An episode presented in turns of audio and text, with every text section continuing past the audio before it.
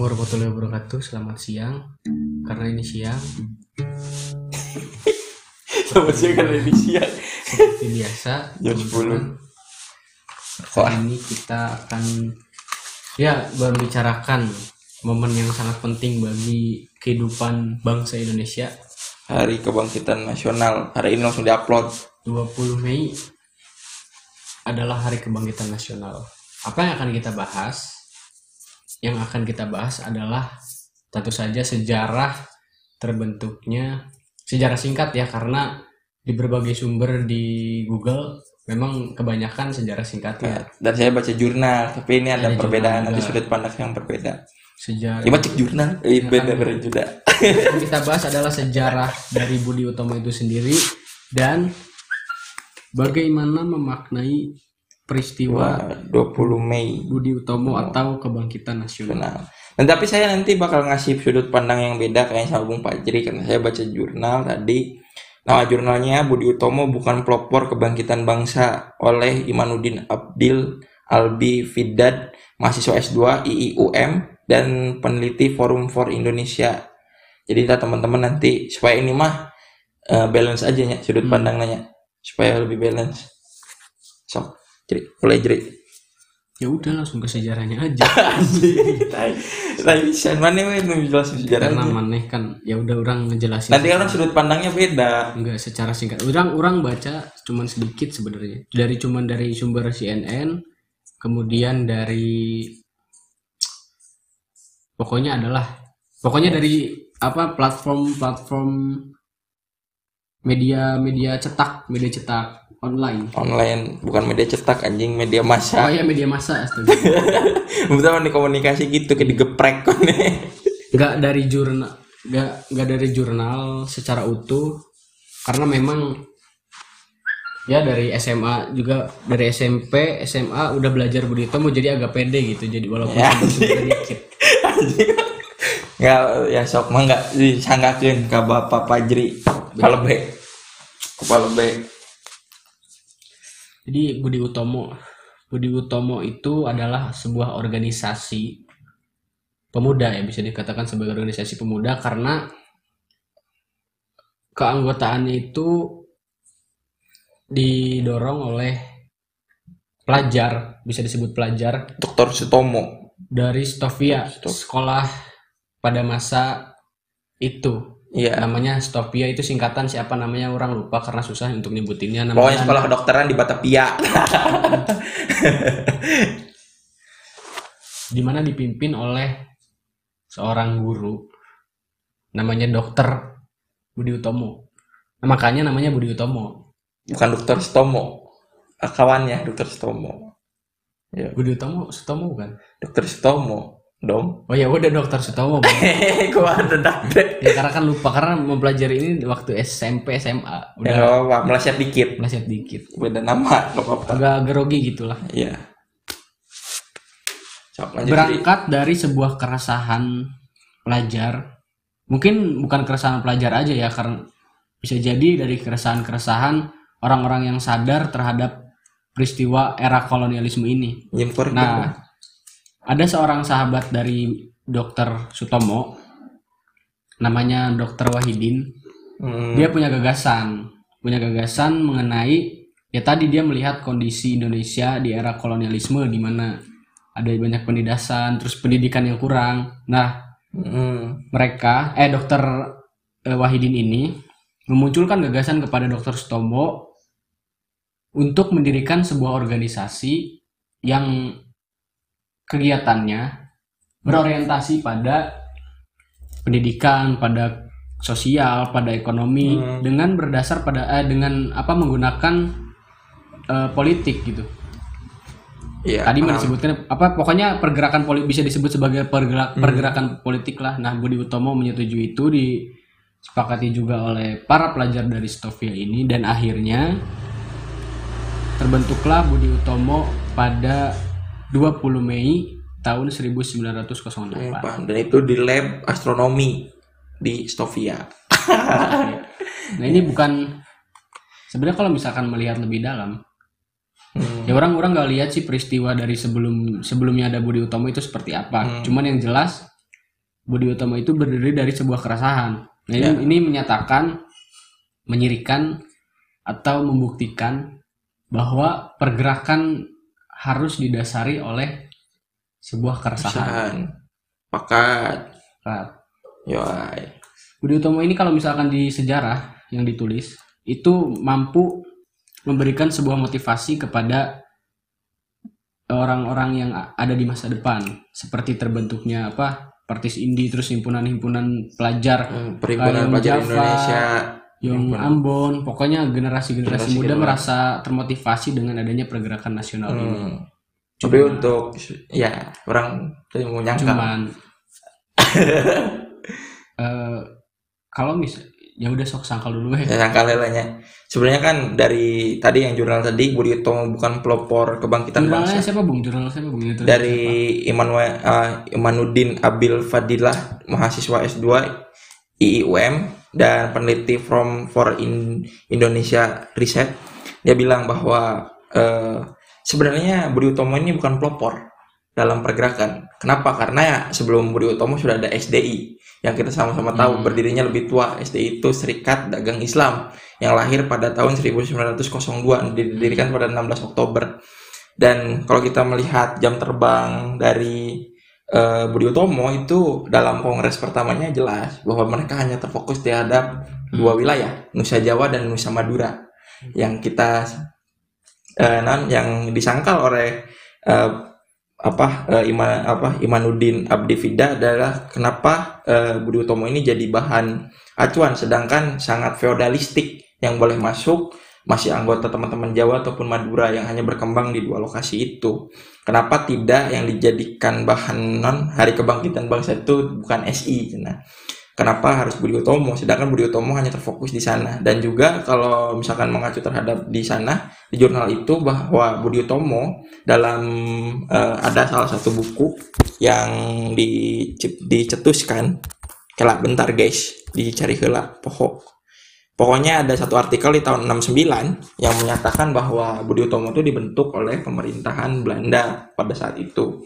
Hanya untuk eh, membalance power, balance power politik dengan Jamiat Khoir. Yang saat itu adalah eh, yang jelas eh, Jamiat Khoir sendiri didirikan untuk melawan pan-islamisme, melawan kaum kaum kiri lah yang non eh, melawan Islam gitu. Dan itu didirikan salah satunya oleh eh, pendiri Muhammadiyah yaitu Kiai Ahmad Dahlan yang terfokus juga sama seperti Stovia eh, apa eh, yang didirikan di Stovia yaitu Budi Utomo adalah khususnya adalah pendidikan. Cuma si Jamiah Khoir ini menghususkan diri untuk pergerakan-pergerakan Islam dan membangun kesadaran kemerdekaan yang pada akhirnya melihat bahwa eh, non pihak Belanda melihat bahwa ini akan membahayakan stabilitas politik manehna gitu di jadi jamiat jadi dari Belanda. Ya dari Belanda melihat Jemaah Khair ini akan mengganggu non mengganggu stabilitas politik. Ya udah kita beri diriin aja hal yang sama terkhususnya untuk pendidikan juga yaitu bikinlah yang bernama eh, apa Budi Utomo pada 20 Mei 1908 bener dong? 08 dong 06 pokoknya orang. 08 dan itu adalah eh, non reaksi terhadap Jamiat Khoir yang lahirnya lebih dulu pada 1901 bahkan sebelum Budi Utomo. Cuma yang disayangkan kenapa Jamiat Khoir ini tidak Jamiat Khoir itu tidak terlalu besar seperti SI gitu. Kenapa? Karena awalnya hanya dimasuki oleh teman-teman eh, Arab Indonesia disebut nah, di, di salah satu jurnal itu. Dan Jamiat Khoir ini eh, melawan pan-islamisme yang dilakukan oleh pihak-pihak kaum kiri kan niatnya gitu Nah setelah berjalan ternyata Jamiat Khoir ini makin besar dan bertumbuh dan SI pun salah satu tokoh SI menjalin kerjasama Hmm. host Cokro Aminoto pada 1915 untuk khusus urusan politik. Jadi host Amim kan, host Cokro Amim Cokro Aminoto ikut serta dalam non eh, kegiatan-kegiatan politik karena kader Jamiat Khoir pada 1950 dimasukkan juga ke dalam SI gitu. Maka dari itu makin kuatlah Jamiat Khoir, makin kuatlah eh, tumbuhlah SI gitu. Dan ya, kalau kita ceritain SI lebih panjang nanti jauh deh lah, kayak bakal bilang SI putih dan SI merah gitu. Tapi sebelum itu ya itu tergambar bahwa non eh, di jurnal itu menggambarkan bahwa Budi Utomo didirikan untuk eh, melawan Jamiat Khoir dan juga SI yang secara legitimasi politik kuat. Kita aja tahu host ah, non host Cokraminoto dijuluki apa Raja Jawa Bray masanya banyak. Bisa. Raja Jawa tanpa mahkota. Raja Jawa tanpa mahkota Hosami Hosami tutup. Dan juga kan setelah non stop non eh, Budi Utomo berdiri dengan organisasi tandingan lah sebutnya ya terhadap dua organisasi ini sebenarnya kenapa non Budi Utomo lebih cepat dalam pertumbuhan di Jawa dan Madura? Karena eh, tumbuhnya itu disupport dengan kalangan bupati yang sebagai yang jelas tangan tangan tangan gubernur gitu. Jadi disupport ku eta. Namun di jurnal itu. Ya teman-teman nanti bisa lihat lah jurnalnya sendiri. Tadi udah dikasih tahu judulnya juga. Itu ada di akademia. Teman-teman cuma 5 sampai 10 halaman cukup lah untuk baca sebentar dan mengetahui lebih dalam soal eh, sudut pandang yang berbeda soal Budi Utomo yang didirikan oleh eh, non Hmm. dari pihak kolonial sebagai balance power politik ya karena ini memang emang namanya sejarah tentu akan banyak pertentangan berkaitan dengan sejarah karena ada sejarah yang tertulis ada yang tidak tertulis dan ditambah ada sejarah yang eh, di up oleh Kementerian Pendidikan untuk dipelajari dan ada yang tidak untuk Oh, dipelajari yang bisa jadi kan. Nah tadi jurnal mengenai kontra terhadap konsep dari Budi Utomo ini bisa teman-teman pelajari gitu Iya dan itu untuk mana yang benar mana yang salah Iya. Dulu nambahin satu lagi lupa. Terkasuk ini peran penting kenapa ini ditolak ya sama si eh, penulis Imanuddin Abdi Fid- Fidat ini adalah pada saat kongres kedua di Yogyakarta eh kongres ke-20 di Yogyakarta.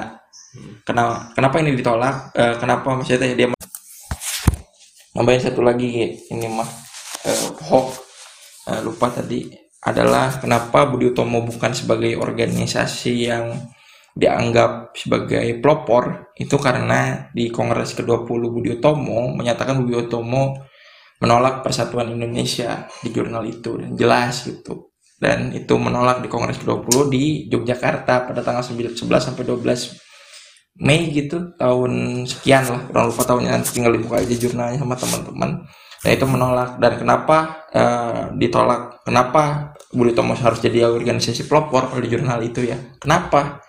Kan nggak ada alasannya gitu. Karena tetap masih non eh, berfokus terhadap Jawa dan Madura.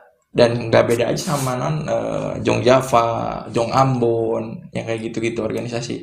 Dan nanti mungkin menyambung dengan Pajri yang masalah sumpah pemuda. Gimana jadi Enggak sih.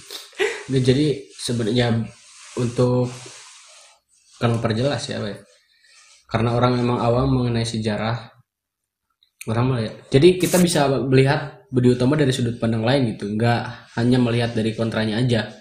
Kontra bisa jadi sebuah pertimbangan, tapi ada sisi lain yang bisa kita lihat. Misalkan Budi Utomo pada masa bu- memang sih sebenarnya sebelum ada Budi Utomo sudah ada SI ya, S, SDI SDI sudah ada. SDI mungkin saja memang karena SDI pada masa itu pergerakannya hanya dalam satu golongan kan jelas Serikat Dagang Islam hanya satu golongan Islam. Nah Budi Utomo ini mencetuskan sebuah pergerakan yang di mana dari ke semua komponen baik dari Islam Kristen Hindu Buddha ataupun yang lainnya ataupun dari kalangan-kalangan Hmm. pelajar lainnya atau kalangan masyarakat lainnya. Dengan status agama berbeda lah. Bisa karena- satu organisasi yang itu Kalau tadi orang baca sendiri Budi Utomo itu adalah sebuah pergerakan yang sifatnya sosial sebenarnya untuk em, membangkitkan semangat dari masyarakat Indonesia Hmm. itu. Nah, memang yang jadi pertanyaan dari orang sendiri adalah kalau misalkan Budi Utomo ini adalah sebuah pergerakan yang momen ya momen pergerakan yang membangkitkan semangat perjuangan dari bangsa Indonesia yang berdasarkan pada persatuan dan kesatuan kenapa mesti ada su- Sumpah. eh, ikrar Sumpah Pemuda pada tahun 1928 toh kalau misalkan iya berdirinya Persija iya apa berdirinya Persija Beda Persija. Toh kalau misalkan sudah ada pergerakan yang berdasarkan pada persatuan, kenapa tidak melanjutkan perjuangan itu? Ya memang sih orang nggak baca lebih lanjut dari pergerakan Budi Utomo setelah Budi Utomo berdiri ya. Karena memang tadi sudah dijelaskan bahwa Kongres ke-20 yang jadi ya, bahwa Budi Utomo ini memang pada masa awal pembentukan pergerakannya hanya berfokus pada Jawa Madura. Nah orang nggak tahu perjuangan yang dilakukan setelah masa itu. Hmm. Oh paham. Hmm. Dan juga jarang kan anu mengutip Budi Utomo setelah non kongres pertama gitu. Dan itu kan biasanya Budi Utomo ataupun di buku-buku sejarah SMA yang orang pelajari atau ya orang lagi profesional yang saya pelajari gitu ya. Selalu setelah setelah kongres-kongres ke depannya itu tidak pernah ada gitu ceritanya seperti apa. Ya, apakah Budi Utomo tetap berdiri ataukah memang sebagai ya emang sebatas sejarah aja gitu pada tahun 1908 sampai tahun sekian. Ya, dan juga kan eh, yang jarang dikutip selain Budi Utomo ini adalah kalau orang ngomongin ya awal pergerakan yang tumbuh setelah Budi Utomo eh, kayaknya partisan Indik juga sama karena itu besar perhimpunan partai-partai. Di dalamnya ada TAN dan sebagainya. Juga sama pergerakan yang tumbuh di sosial juga dan menerima non menerima banyak kelas gitu. Kalau memang ngomongin kebangkitan bangsa partisan Indik ini menggabungkan banyak tokoh nasional di Jerona Hmm. gitu. Dan orang menganggap kayak sama keren gitu partisan Indij gitu. Dan tumbuh besar juga waktu saat itu kan partisan Indij kalau kita baca sejarah lengkapnya gitu. Dan orang karena orang kan eh, sering baca ya Pak Jadi juga tahu orang suka sering baca untuk eh, buku-buku kiri orang banyak gitu baca buku-buku kiri. Dan partisan Indij ini kan golongan-golongan yang berhimpun gitu di sana. Ada Hmm. TAN ada banyak yang lain Bung Karno juga pernah di sana partisan Indij ini dan kalau kita ngomongin Budi Utomo apakah motivasinya dari Budi Utomo partisan Indij pun bukan dari Budi Utomo kalau kita lihat pendirian gagasan Mimitina Tadi emang kalau misalkan kita lihat sejarah lebih jauh gitu, sebelum terjadinya eh sebelum terbentuknya sebuah Budi Utomo, memang orang meyakini bahwa bukan hanya Budi Utomo pada masa itu, tapi banyak. Hmm, Nah, yang jadi pertanyaan kenapa harus Budi Utomo kan? ya.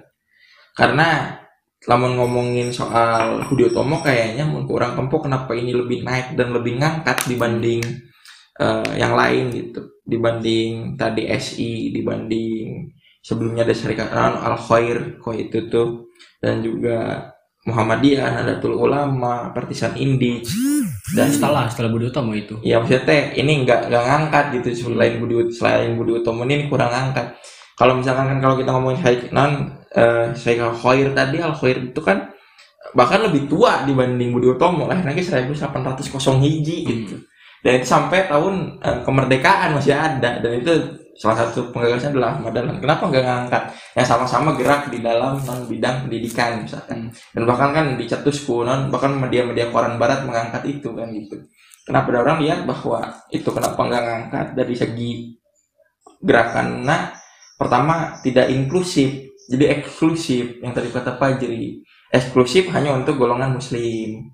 Dia, Ya, ya, orang ya. lihat itu kenapa bisa jadi bisa Budi Utomo yang naik. Karena karena karena untuk penetapan apa Bud- Budi Utomo sebagai hari kebangkitan nasional ya tadi orang melihat dari segi geografis dan segi budaya agama di Indonesia itu bermacam beraneka ragam. Kalau misalkan dina- dinaikkan hari kebangkitan nasional misalkan hari SI terbentuknya SI bisa mungkin ya mungkin bisa jadi sebuah pertentangan di kubu masyarakat itu sendiri karena karena kenapa muslim? Hanya Iya. menggol hanya karena satu muslim. Walaupun orang sepakat dengan penulisan itu kenapa? Karena yang membangun kesadaran pertama soal kemerdekaan itu ya teman-teman di SI sebenarnya. Hmm. dengan melahirkan tiga tokoh besar yang kita tahu DN Aidit yang pernah ada di situ eh, Bung Karno dan juga salah satu yang memberontak non L- non DITI eh, Cokro eh Cokro di siapa? Dar- Su- Su- Su- Darsono siapa sih? Pokoknya orang lupa. Yang bikin SI merah tuh. Bukan DNA Edit bukan Muso. Bukan. Eh Muso eh, apa? Semaun Semaun sama Un Semaun sama satunya lagi tuh yang apa bikin DITI orang lupa. atau Suwiryo eh Kato Suwiryo dan itu kan tokoh-tokoh besar yang ada di SI yang berbeda ideologi dan ke depannya bikin suatu organisasi masing-masing gitu. Dan sebenarnya kan kalau misalnya ngomongin lagi karena kita anti kiri kan sebelumnya ada non eh, apa ISDP Hmm. tapi kan kita sudah melupakan itulah. Jangan membahas ISDP ada ISDP eh, terus SDP berubah jadi PKI kan. Pada akhirnya SDP itu nyata. Jadi sebenarnya kalau itu kan tidak mungkin dinaikkan sebagai hari kebangkitan Hmm. karena kita sudah tidak ada di simpang jalan kiri Iya. hari ini. Ya pastilah. Itu kan di penetapan dari 20 Mei sebagai kebangkitan nasional juga kan dia berdasarkan pertimbangan dari pemimpin negara dari Soekarno dan kawan-kawannya. Terutama diusulkan kalau lihat dari sejarah sih diusulkan oleh dari tiga serangkai. Tiga serangkai ini kan berasal dari Budi Utomo juga kan? Hmm, kalau nggak salah. Hmm. yaitu Ki Hajar Dewantara yang mengajukan kepada Soekarno karena pada masa itu kabinet yang tidak pernah selesai masa jabatannya kemudian penyerangan dari Belanda yang belum mengakui kemerdekaan Indonesia sehingga Soekarno melihat mungkin melihat ya melihat bahwa kebangkit apa namanya rasa nasionalisme dari masyarakat belum tumbuh bisa jadi kemudian Soekarno mencetuskan 20 Mei sebagai Hari Kebangkitan Nasional. bisa jadi sih. Ya ini hanya ter terkaan orang aja. Terkaan mana? Dan dari ya. ya dari bacaan-bacaan gitu orang menyimpulkan seperti itu dan orangnya menyepakati gitunya kalau misalkan untuk halayak umum adalah eh, Budi Utomo sebagai organisasi penggerak motor penggerak gitu selain itu. Kenapa? Karena eh, emang tertriggernya itu banyak organisasi pergerakan yang tercatat sejarah itu setelah Budi, Budi Utomo. Iya. Sebenarnya kan? Jadi kalau misalkan pakai SI SI itu hanya menumbuhkan organisasi besar seperti Budi Utomo gitu jadi namun misalkan orang cocok yang Budi Utomonya kenapa karena setelah lahirnya Budi Utomo banyak organisasi pergerakan yang tumbuh Iya, tadi tadi juga orang baca sih dari sumber-sumber CNN, dari sumber CNN bahwa pergerakan Budi, Budi Utomo ini memelopori terbentuknya pergerakan-pergerakan seperti tadi Partis Indi, terus ada Muhammadiyah. Muhammad. Nah, kalau misalnya kita lihat dari Muhammadiyah sendiri itu kan didirikan oleh Ahmad Dahlan. Hmm. Mana sebenarnya setelah orang baca dari sejarah Muhammadiyah eh Ahmad Dahlan ini melihat Budi Utomo sebagai bukan sebagai senior sih. Jadi ada murid dari ada muridnya yang tergolong ke dalam Budi Utomo menyarankan kepada Kiai Haji Ahmad Dahlan untuk mempelajari eh, keorganisasian dari Budi Utomo untuk membentuk suatu pergerakan yaitu pergerakan Muhammadiyah. Muhammadiyah kan fokus juga di dalam pendidikan. Hmm.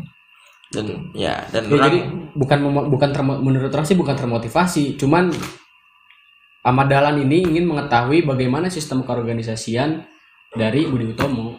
hmm, Jadi sudah ada bibit-bibit pergerakan Muhammadiyah itu sebenarnya udah ada sebelum sebelum adanya Budi Utomo. Utomo ya. Dan dan kan kita tahu bahwa Ahmad Dahlan tadi tergabung di non Jamiat Al Jamiat Khair itu. Sebelum yang jelas-jelas lebih tua dibanding Ahmad non dibanding Budi Utomo yang lahirnya 1901 dan namun kita sebenarnya kan kalau kita ngomongin hari non hari eh, kebangkitan nasional sebenarnya yang kita mau sangkutkan lagi hari ini adalah untuk sebenarnya kayak gimana peran pemuda hari ini Beren untuk kebangkitan Iya, nasional. iya maksudnya tadi mah itu mah trivia trivia Iya. memaknai Budi ya walau misalkan tadi kan ada pertentangan Budi Utomo nah yang sebenarnya yang jadi penting ini adalah bagaimana sih kita yang udah ada gitu yang udah ada Budi Utomo ini sebagai hari kebangkitan nasional gitu. Hmm. gimana kita memaknai ini supaya eh, semangat dari Budi Utomo ini bisa merasuk ke dalam diri setiap manusia Indonesia. Hmm, itu kan yang poin pentingnya. missionnya. ya orang kesampingin lah. Kontra atau kontradiktif tadi mah emang sengaja untuk men-trigger teman-teman mencari tahu lebih dalam hmm, sebenarnya. sejarahnya. Ya itu mah hanya untuk men-trigger aja memancing teman-teman untuk menyelami pikiran dari apa eh, organisasi sejarah juga. sejarah juga. Motivasi dari keberadaan organisasinya juga. Hmm, gitu. Nah yang paling penting adalah ya itu tadi memaknai dari kebangkitan nasional ini sendiri ya. Bukan menurut saya sih bukan Budi Utomonya yang mesti kita maknai. Eh bukan maknai ya pak ya? Ya yang mesti kita lihat adalah kebangkitan nasionalnya gitu kebangkitannya. Ruh kebangkitan ruh nasional kebangkitannya bukan Budi Utomonya tapi ruhnya. Hmm, ruh dari Budi Utomo itu sendiri. Hmm, kalau misalkan orang baca tadi di berita bahwa tema dari kebangkitan nasional tahun ini adalah ayo bangkit. Nah, konteks bangkitnya ini di- lebih diarahkan kalau tadi ya di CNN itu lebih diarahkan kepada bangkit dari keterpurukan selama dua tahun Indonesia pandemi, eh, terkurung oleh virus corona gitu. Hmm, pandemi Ini- pandemi Ya ini nggak bisa orang Pandemi. salahkan, cuman kurang tepat aja gitu. Kebangkitan seperti apa sih yang ingin orang harapkan? Apakah kebangkitan itu setiap tahun berbeda, ataukah kebangkitan itu setiap tahun memiliki eh, permasalahan-permasalahan sendiri yang mesti kita naikkan. Itu yang kebangkitan yang seperti apa? oke. Menurut Maneh Pi? sebenarnya kan masalah ngomongin kebangkitan ya ayo bangkit ayo bangkitnya konteksnya apa kan gitu. Kalau negara mungkin punya konteks tersendiri. Tapi kalau menyoroti di Stovi ataupun tadi yang didirikan di Stovi ataupun di Tomonya organisasinya orang pengennya ya semangat pemudanya yang harus ditumbuhkan di ayo bangkit pemuda gitu ayo Ya bangkit untuk apa? konteks ayo bangkitnya ini orang selalu bilang bahwa pemuda itu punya harapan dan cita-cita masing-masing Hmm. Bener tuh. Pak Jiri punya cita-cita, orang punya cita-cita. Hmm. Pak Jiri pengen jadi psikolog, orang pengen jadi politisi. berarti kan ada tujuan yang berbeda di dia. Hmm. Tapi bagaimana caranya untuk berbeda itu dalam tetap satu, dalam mengharumkan nama bangsa kan gitu, meren. Bener tuh. Karena apa? Karena orang-orang dulu aja bergerakan. Tan lewat mana? Tan tuh lewat tulisan. Bung Karno aksi, misalnya Bung Karno ikut aksi dan sebagainya. Itu beda. Yang penting lah misalkan mahasiswa orang selalu bilang gini ke adik-adik mahasiswa. Kalau misalkan di depan adik-adik mahasiswa orang. Adik-adean adik-adean mahasiswa orang selalu bilang gini bahwa alma mater kalian tuh bebas nanti naon asal dipakai. Ada yang buat aksi silakan mau bau jalan bau jalan. Mau bau alma mater dalam ruangan ikut lomba silakan. Yang yang jelas yang di jalan jangan nyalahin yang nggak ikut ke jalan. Karena mereka ge sama-sama untuk mengharumkan nama bangsa melalui pendidikan gitu. Dan yang ada yang yang non yang ada di dalam ruangan jangan menyalahkan yang ada di jalan. Karena yang di jalan pun sama sedang berjuang untuk eh, non, menyelamatkan rakyat kecil. Hmm. yang sama-sama alma maternya dipakai dan untuk mengharumkan nama bangsa juga. Jadi eh, tujuannya bebas gimana? Kalian selama kalian tahu bahwa posisi kalian tuh tujuan kalian tuh untuk sama-sama kita bersama-sama untuk membangkitkan eh, bangsa bangsa kita gitu masa Indonesia yang kalau misalkan kita bilang negara ketiga banyak yang bilang ah ini negara ketiga ya gimana caranya kita ada di negara kedua kan gitu. Gitu Mbak cuma dengan cara yang berbeda. Makanya orang selalu bilang mau caranya apa pun mau yang vertikal ataupun horizontal orang menghargai itu. Karena apa? Karena tujuan kita sama-sama untuk mengharumkan nama bangsa. Itu pak Ya, berarti kebangkitan yang dimaksud adalah Motivasi. kebangkitan iya kebangkitan semangat untuk membangun negara menjadi lebih baik karena kalau misalnya kita lihat hari ini ya ditambah ada pandemi yang eh, apa namanya menjangkit atau membuat keterpurukan bagi perekonomian, bagi Hmm. ke kehidupan sosial masyarakat. Nah, terus ditambah kita lihat kebobrokan-kebobrokan dari pihak penguasa akhir-akhir ini dari tahun 2020 awal pandemi sampai sekarang. Nah, kita harus melihat ke sana gitu. Bagaimana kita membangkitkan eh, kehidupan bernegara ini menjadi negara yang lebih baik Hmm. dari kekuasaannya, dari kehidupan sosialnya, dari perekonomiannya, terus dari ke- pendidikannya. Itu yang mesti kita lihat gitu. Hmm. Bukan hanya kebangkitan kalau misalkan temanya hanya untuk bangkit dari keterpurukan selama Covid ya, menurut orang sih agak sempit sih makna. terlalu sempit makna dari kebangkitan nasional itu terlalu sempit. Karena Budi Utama pun berdirinya untuk kepentingan eh, melawan era kolonialisme. gitu. Dan walaupun ya dan orang pun melihat bahwa eh, sebenarnya ya kan Budi Utomo organisasi kepemudaan dan orang selalu bilang bahwa ada perbedaan antara pemuda dan orang tua. Hmm. orang tua tuh selalu non eh, menjaga dia tuh selalu berbicara masa lalu dan anak muda selalu berbicara masa depan dan di sini waktunya kita kolaborasi gitu. Ayo bangkit ini bukan hanya ayo bangkit di generasi muda yang hanya dimaknai oleh Budi Utomo gitu tapi orang tua juga harus sama. Dan orang selalu bilang orang tua tuh punya wisdom anak muda tuh punya impian. Hmm. jadi yang muda harus mau nanya ke yang tua untuk wisdom dan wejangan supaya tidak tersesat dalam per- nan- eh, perjalanan menuju masa depannya gitu. Dan kita punya punya implikasi untuk eh, sebenarnya orang punya implikasi untuk eh, mengubah Indonesia lebih jauh teh melalui pemuda. Kenapa? Karena pemuda selalu bicara hal-hal baru. Hmm, yang tua itu bisa. selalu berbicara tentang masa lalu rasa bilang gitu kenapa karena kalau kita lihat eh, politisi di TV dia itu selalu bilang saya 98 melakukan ini ini ini ini dan mereka hanya terpaku terhadap masa lalu mereka ketika sudah tua gitu kan dan anak muda yang ikut berdebat dalam suatu forum akan selalu Hmm. berbicara tentang masa depan gitu. dan itu makanya eh, orang selalu bilang bahwa libatkan pemuda dalam setiap eh, Hmm. eh, pembangunan bangsa dan libatkan orang tua terhadap pemuda untuk masalah eh, wejangan dan wisdom supaya anak muda ini tetap lurus dan di jalannya yang benar Hmm. gitu. Iya, iya, iya, bisa. Iya, ini bisa kita lihat. Jadi kolaborator gitu. Nah, Kolaborasi. kebangkitan itu nggak bisa di nggak bisa kita gantungkan kepada pemuda, kepada mahasiswa atau kepada pelajar. Tapi kebangkitan itu mesti dibangun oleh kedua kedua belah pihak, pemuda dan Orang tua. kaum tua. kaum tua. Kalau misalkan pemuda sebagai ujung tombak negara, ujung tombak bangsa, maka orang tua ini adalah sebagai alat benda tajamnya gol atau gol- golok misalkan untuk mengasah ketajaman dari tombak itu. itu pemuda ya. Jadi kejernihan berpik kebangkitan bisa diperoleh ketika kejernihan berpikir dari kaum muda dan kaum tua, Tua, itu saling sinkron, saling Sinkron. berkolaborasi. Nggak Iya. bisa saja hanya digantungkan kepada satu pihak. Mendaknya waktu waktu orang bikin apa eh, dulu waktu bikin salah satu organisasi orang bilang ini pi mau dikasih nama kabinet apa? Hmm. Orang bilang kabinet kolaborasi kolaborasi. Kolaborasi ini melibatkan banyak pihak antara masyarakat, orang sebagai ada di organisasi itu dan juga teman-teman. Yang pada akhirnya organisasi ini bisa tumbuh gitu dulu. Organisasi awal buat ini. Orang selalu nanya ke yang tua soal sebenarnya apa yang menjadi keluh kesah orang tua di masa hari ini yang bisa dirumuskan oleh masa muda Hmm. para pemuda untuk menjadi solusi dan ditawarkan. Cocok nggak dengan para orang tua ini?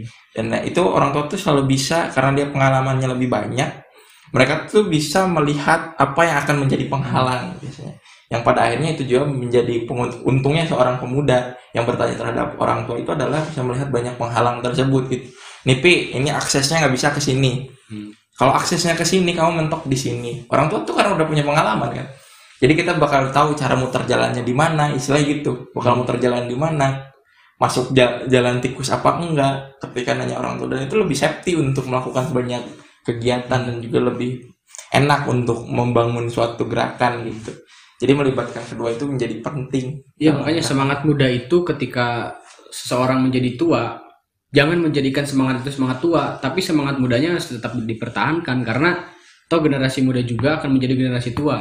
ya Yang jadi permasalahan adalah pemikiran yang ada di generasi muda apakah akan bertahan pada pada masa tua tua dia kan? hmm, itu untuk masalah pergerakan untuk masalah kebangkitan. Ya. Karena kalau kita lihat dari sejarah, bukan sejarah ya, apa yang ada hari ini misalkan politisi-politisi yang ada di tahun 98 ikut berdemo semangat mudanya sangat-sangat gencar, sangat-sangat aktif untuk mengkritisi ke, sebuah kekuasaan atau pada akhirnya ketika dia tua dia menjadi politisi dia masuk pada lingkaran kekuasaan itu sendiri semangat mudanya hilang Ya.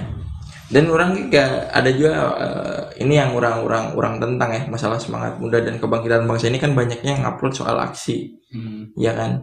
Orang selalu bilang bahwa terus ada yang temen yang ya ini nggak nggak memukul semua aktivis tapi banyak aktivis ini yang bilang bahwa mereka tuh rela untuk mengikuti gerakan aktivisme tapi dia bilang bahwa aktivisme itu adalah suatu perjuangan tapi dia tuh eh, menghabiskan uang di situ dan hingga akhirnya dia berkuliah tidak punya duit itu. Ya. Yang pada akhirnya menurut orang eh, idealisme itu harus diimbangi dengan pikiran yang jernih juga. Lu kalau misalkan karena ini yang terjadi di banyak aktivis gitu. Ya karena orang nggak tahu kalau itu ya. Ya karena ini orang ada ada di dalam lingkaran itu kan. ada di lingkaran itu. Ya Jadi ini orang- orang-orang orang pandangan orang di dalam yang ada di dalam lingkaran Hmm. itu gitu. Banyak banyak orang yang masuk di lingkaran itu tuh bilang wah ini idealisme ini idealisme. Itu maka uangnya habis uh, untuk gerakan uang dari orang tua. Kalau uang dia buat di- dari dia sih dia sendiri uang nggak apa-apa gitu tapi kalau uangnya dari orang tua dan dia untuk menghamburkan itu gitu untuk basis masa yang notabene dia punya punya tanggung jawab itu orang tanggung jawab buat orang tua dia makan gitu. Itu tuh akan menjadi masalah di diri dia gitu. Yang orang selalu bilang bahwa idealisme itu bagus orangnya idealis gitu. Sampai sekarang orang punya konstruksi negara yang paling idealis bagi orang gitu. Di mana presiden itu tidak threshold di mana ini, ini. Banyak lah orang idealisme idealisme orang juga. Cuma orang tuh tidak tidak seperti itu. Dan orang selalu bilang bahwa teman-teman aktivis itu harus eh, utamain dulu tanggung jawab orang tua. Lulus tepat waktu yang gitu-gitu tuh. Itu tuh jadi jadi penting. Walaupun kalian bilang karena yang eh, kita tuh ada di generasi tengah kita tuh mahasiswa kita tuh agent of change. Dan kata agent of change yang dilibalik libat di labeling ke mahasiswa pun orang nggak setuju. Karena agent of change itu bagi orang adalah semua masyarakat yang ikut berbuat ber- bergerak dan berjuang gitu. Dan juga eh, lautan masa yang berjuang kalau misalnya orang bilang tuh kalau dulu orang bilang tuh pimpinan intelektual dipegang oleh mahasiswa pimpinan basis masa itu dipegang masyarakat. Baru sukses tak gerakan. Bisa, bisa. jadi untuk mengandalkan ruang mahasiswa sebagai agent of change kenapa gerakan mahasiswa selalu gagal dalam ya ini selalu memaknai non eh, hari nasional? nasional. Hari nasional. Kenapa gerakan mahasiswa selalu gagal adalah selalu ngomongin mahasiswa ingin sebagai hero di masyarakat Aing pimpinan intelektual, Aing pimpinan non pimpinan pimpinan intelektual, maka orang ikut turun aksi dan orang akan meneriakkan apa yang mana mau, tidak melibatkan masyarakat secara langsung. Maka kamu akan tetap kalah, rumah Hmm. aja. Kamu akan tetap kalah karena kamu tidak melibatkan orang yang benar-benar terdampak Hmm. dalam gerakan tersebut.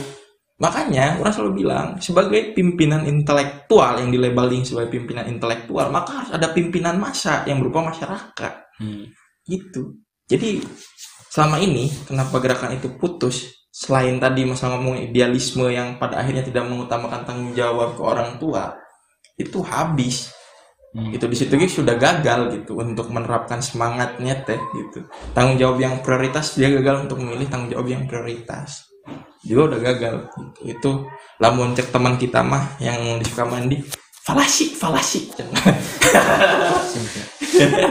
gitu. Dan itu itu itu hanya tanggapan sedikit soal yang ada di labeling di mahasiswa masalah agent of change yang kurang kritik. Itu pak soal kebangkitan bangsa. Jadi teman-teman kalau misalkan ada nggak sepakat, eh, kalau mau ngajak debat ke Alpi aja karena orang nggak ikut-ikutan. nggak apa-apa nggak apa-apa. Boleh ber- berdebat boleh berdiskusi. Karena aksi bukan solusi Bisa, bisa solusi juga sebenarnya. itu tahu hari guys orang percaya aksi sebagai solusi kene cuma pelibatan masyarakat dalam aksi tersebut yang eh, selalu orang bilang bahwa itu orang tidak sepakati ketika aksi itu hanya melibatkan mahasiswa sebagai dalam gerakannya gitu. karena kalau kita melabelingi diri kita sebagai pemimpin intelektual seperti teman-teman bilang kan kita tuh selalu bilang pem- pemimpin intelektual itu mahasiswa pemimpin barokade non barokade masa adalah buruh. Selalu gitu kan.